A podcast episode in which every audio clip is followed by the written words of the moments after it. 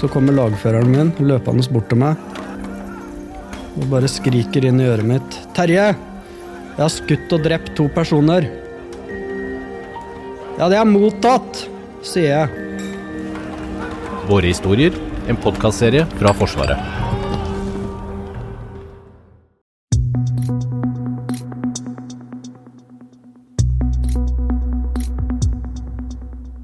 Akkurat nå øver 20 000 soldater på en artikkel 5-situasjon i Nord-Norge. Øvelsen Joint Viking er den største norske militærøvelsen i år, og flere allierte Nato-nasjoner deltar. Blant annet seiler nå 37 krigsskip i norske farvann. Men hva er Natos artikkel 5? Hvorfor trener så mange nasjoner i Norge? Og hva er det egentlig de trener på i våre områder? Du hører på Forsvarspodden. Jeg heter Hege Svanes. On board as the head of the Norwegian Navy and the commander of the task group which uh, Albion is operating. So without further ado, I'll pass you over. Om bord på HMS Albion, et av de britiske krigsskipene som seiler rundt i havområdene våre, trener engelske soldater på å hjelpe Norge i en krigssituasjon. Dara Shannon er flotiljemester på HMS Albion og forklarer hvorfor han er glad for at britene nå øver sammen med norske soldater i norske farvann. The cold weather training in Norway is just fantastic. It is, in my opinion, the best in the world. The Norwegian people, the Norwegian government, the Norwegian military are excellent hosts. So our men and women do work hard together. However, they also play very hard, and that is important. And personally, I have worked with uh, the Norwegian military a lot, especially on board submarines. I have enjoyed the training, and then I have very much enjoyed the life outside of training. So enjoying beers together, eating good food. Um, it's it's very important to work hard and play hard. I think it develops a very good bond and a very good friendship together. I have a real love for Norway. I have a Norwegian fiance. I am learning the language. I have worked in Stavanger, a joint warfare centre, NATO headquarters. I love the outdoors. I just love Nor- Norway in total.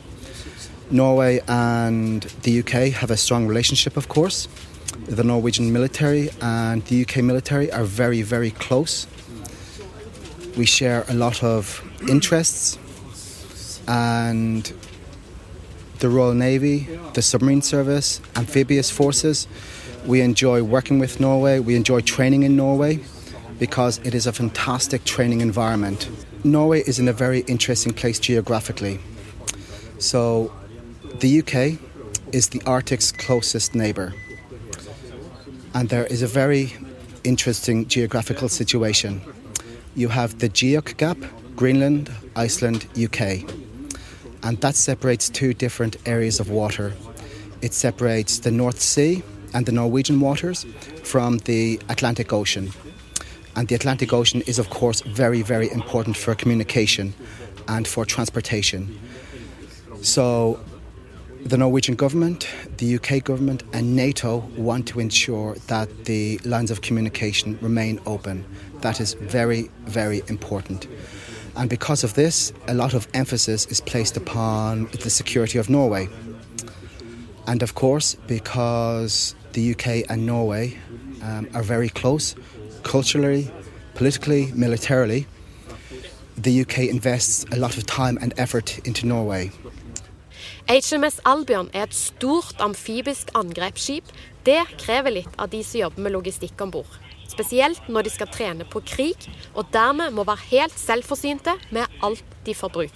We are sailing with six, 700 sailors and Royal Marine Commandos, so we must keep them supported at sea. But we are also responsible for supporting forces that we land. So that is a huge challenge because we train as if it is a war.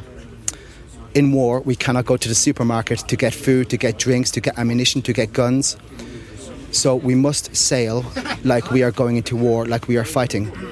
And that is why this training is so important.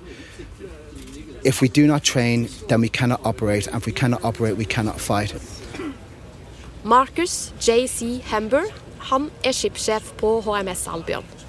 Og han sier at det er flere grunner til at britene deltar på den norske øvelsen.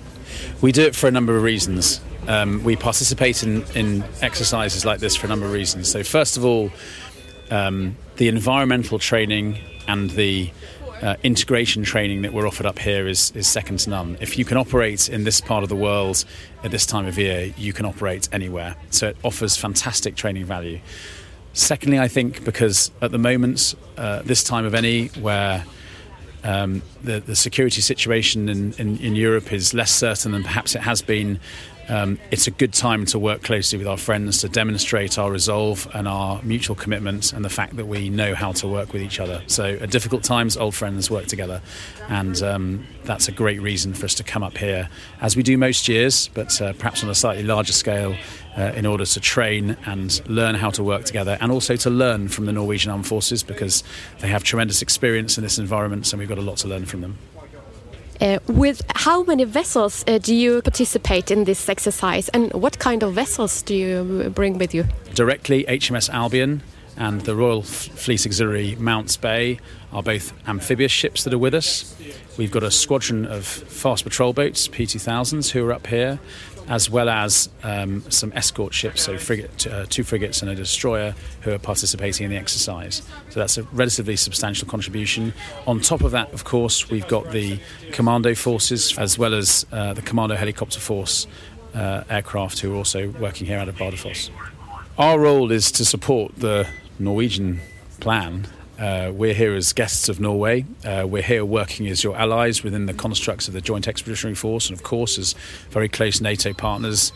Uh, European defence has as its foundation uh, the NATO arrangements, and Jeff works very much in support of that. The UK would play whatever role we were required to play from my perspective as the commander of an amphibious assault ship, you can see the capabilities that we bring with us here.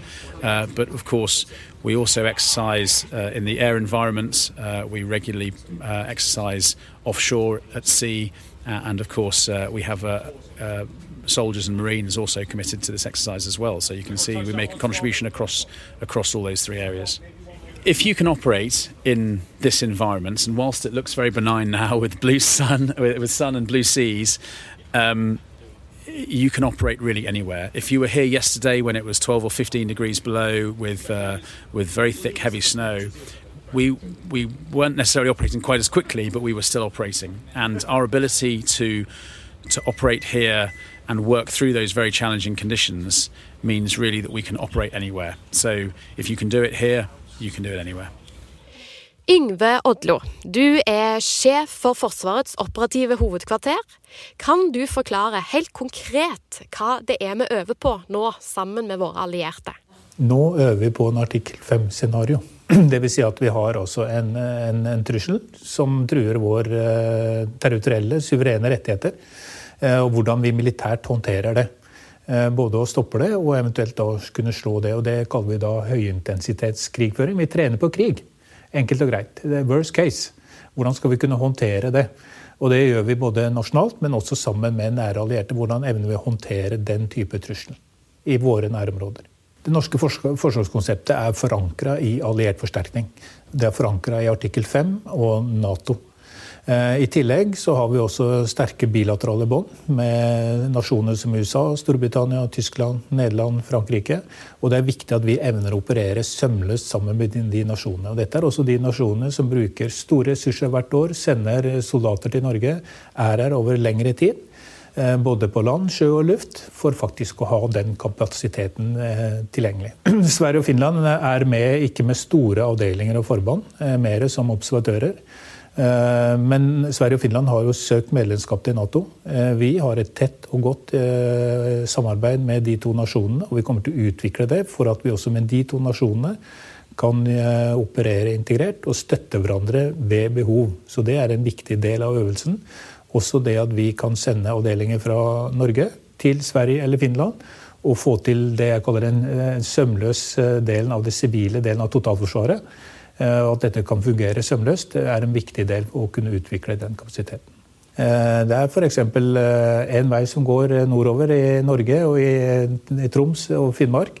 Det er klart at det å ha tilgang på svensk og finsk territorium gir helt andre muligheter, men da må det også være en sømløs bruk av det. Kompetanse er en ferskvare. Derfor er det viktig å øve og trene regelmessig. Vinterøvelsen er jo en tradisjonsrik hendelse som har skjedd gjennom mange år. I fjor hadde vi Call Response, som var en litt større alliert eh, øvelse. I år er Joint Viking. Der primærhensikten er å øve det norske forsvaret sammen med de nære allierte som er her på vintertrening, i en større ramme. I tillegg i år så har vi også koordinert eh, vår nasjonale øvelse med den allierte øvelsen Joint Warrior, som er britisk ledet, sånn at den skjer på samme sted og i samme tid, og er en koordinert, eh, koordinering av de to øvelsene. Fra regn og blest til eh, snø. Eh, kaldt, eh, rundt null. Og det er disse klimatiske variasjonene som er kanskje det mest viktige for den enkelte soldat. Å lære seg å håndtere klima. I tillegg, når du øver i større forband, så er det jo interoperabilitet. Altså øve sammen med andre nasjoner. Kunne gjøre ting på samme sted til samme tid og faktisk få en effekt. Og det krever at du gjør dette regelmessig gjennom flere år. Og er ikke noe vi bare øver én gang i året, men det er noe vi vektlegger og øver tett og godt med andre nære nasjoner, allierte nasjoner, kontinuerlig gjennom hele året. Men det er også viktig for Nato. Eh, Nato står i en eh, særdeles krevende sikkerhetspolitisk situasjon med krig i Europa. Eh, vi har hatt en stor styrketilvekst i Øst-Europa for å hindre at den krigen i Ukraina sprer seg. Samtidig så er nordområdet viktig, og det er viktig at vi faktisk har både nasjonal kapasitet og støtte av allierte for å kunne ha både kontroll på hva som foregår i nord, og håndtere de situasjonene som måtte oppstå. Og Vår jobb er å være forberedt på det uforberedte. Eh, og da blir det å være forberedt på krig og trene på det en viktig del av kompetanseområdet vårt. Vi øver betydelig mer realistisk eh, i dag enn vi gjorde tidligere, der vi gjerne satte opp en øvelse og samla mange aktiviteter i tid og rom, til at vi i dag øver mer realistisk hvordan vi faktisk kunne tenkt oss å gjøre det. Og sjekker ut eh, det kontinuerlig og justerer fortløpende. sånn at eh, og I nordområdet er det jo relativt rolig fortsatt. Eh, samtidig, med en krig i Europa, så har jo hele sikkerhetssituasjonen endra seg, og alvoret har endra seg. sånn at det vi gjør, har jo en operativ merverdi. Gjennom at vi faktisk er til stede, viser evne og vilje for å være i dette området av verden, eh, er en effekt i seg sjøl. For eh, Lars Petter Kolle, sjefsplanleggeren for øvelsen, er det viktig å øve. Men det er noe han aldri går på akkord med, og det er sikkerhet. Alle guttene og jentene skal hjem igjen. Det, det, det, det, er ingenting som betyr mer enn det. Det er det aller, aller viktigste. Og Derfor er det viktig at vi tillater oss å stoppe opp. Når vi ser ting som vi kunne gjort annerledes, så kan vi faktisk ta en timer til å stoppe, og så kanskje kan vi gjøre det en gang til. Det må ikke være mer høytidelig enn det. Eh, og den en gang sånn at systemer må virke, og da må vi ha tålmodighet og tid og rom få de til å virke. Det er derfor vi trener og øver. Og en sånn øvelse som vi har nå på sjøen og på land og i lufta, det er også en signalering. Og når folk ser at dette virker og får trua på systemet, så blir vi stående mer rakrygga og ha trua på det vi gjør, i etterkant, enn om vi ikke skulle gjort det. Eh, og eh, igjen, da vi, eh, Det å være en del av Nato har jo vært vår sikkerhetsgaranti i mange tiår, og vil jo fremdeles være det. Og da må vi også være i stand til å kunne levere det som Nato forventer at vi leverer til Nato. Og da er jo bl.a. dette at vi er troverdige med den strukturen vi har, sammen med de allierte, og får det til å virke, som vi får demonstrert nå, nettopp på slike øvelser som det her. Som øvingsstasjon har vi et veldig godt rykte. Eh, det ser vi nå også i forhold til det vi planlegger mot eh, I24, som da er Natos største øvelse, som eh, er gjennomført på lang, lang, lang tid. Det er måten Norge har gjennomført fellesoperative øvelser, høyintensitet, eh, over mange, mange år. Det ryktet vi har med å gjennomføre Call Response, lage en arena hvor, hvor avdelinga får prøvd seg, ikke minst værmessig og da i en fellesoperativ ramme, høyintensitet, gjør da at dette er jo en arena som de kanskje ikke finner andre steder. Og det da å komme hit, eh, det er jo eh, Da får du vist om du har den dugeleiken som må være til for å kunne operere her. Du har hørt på Forsvarspodden. Likte du det du hørte, så abonner gjerne på oss. Da får du en ny episode rett på mobilen hver fredag.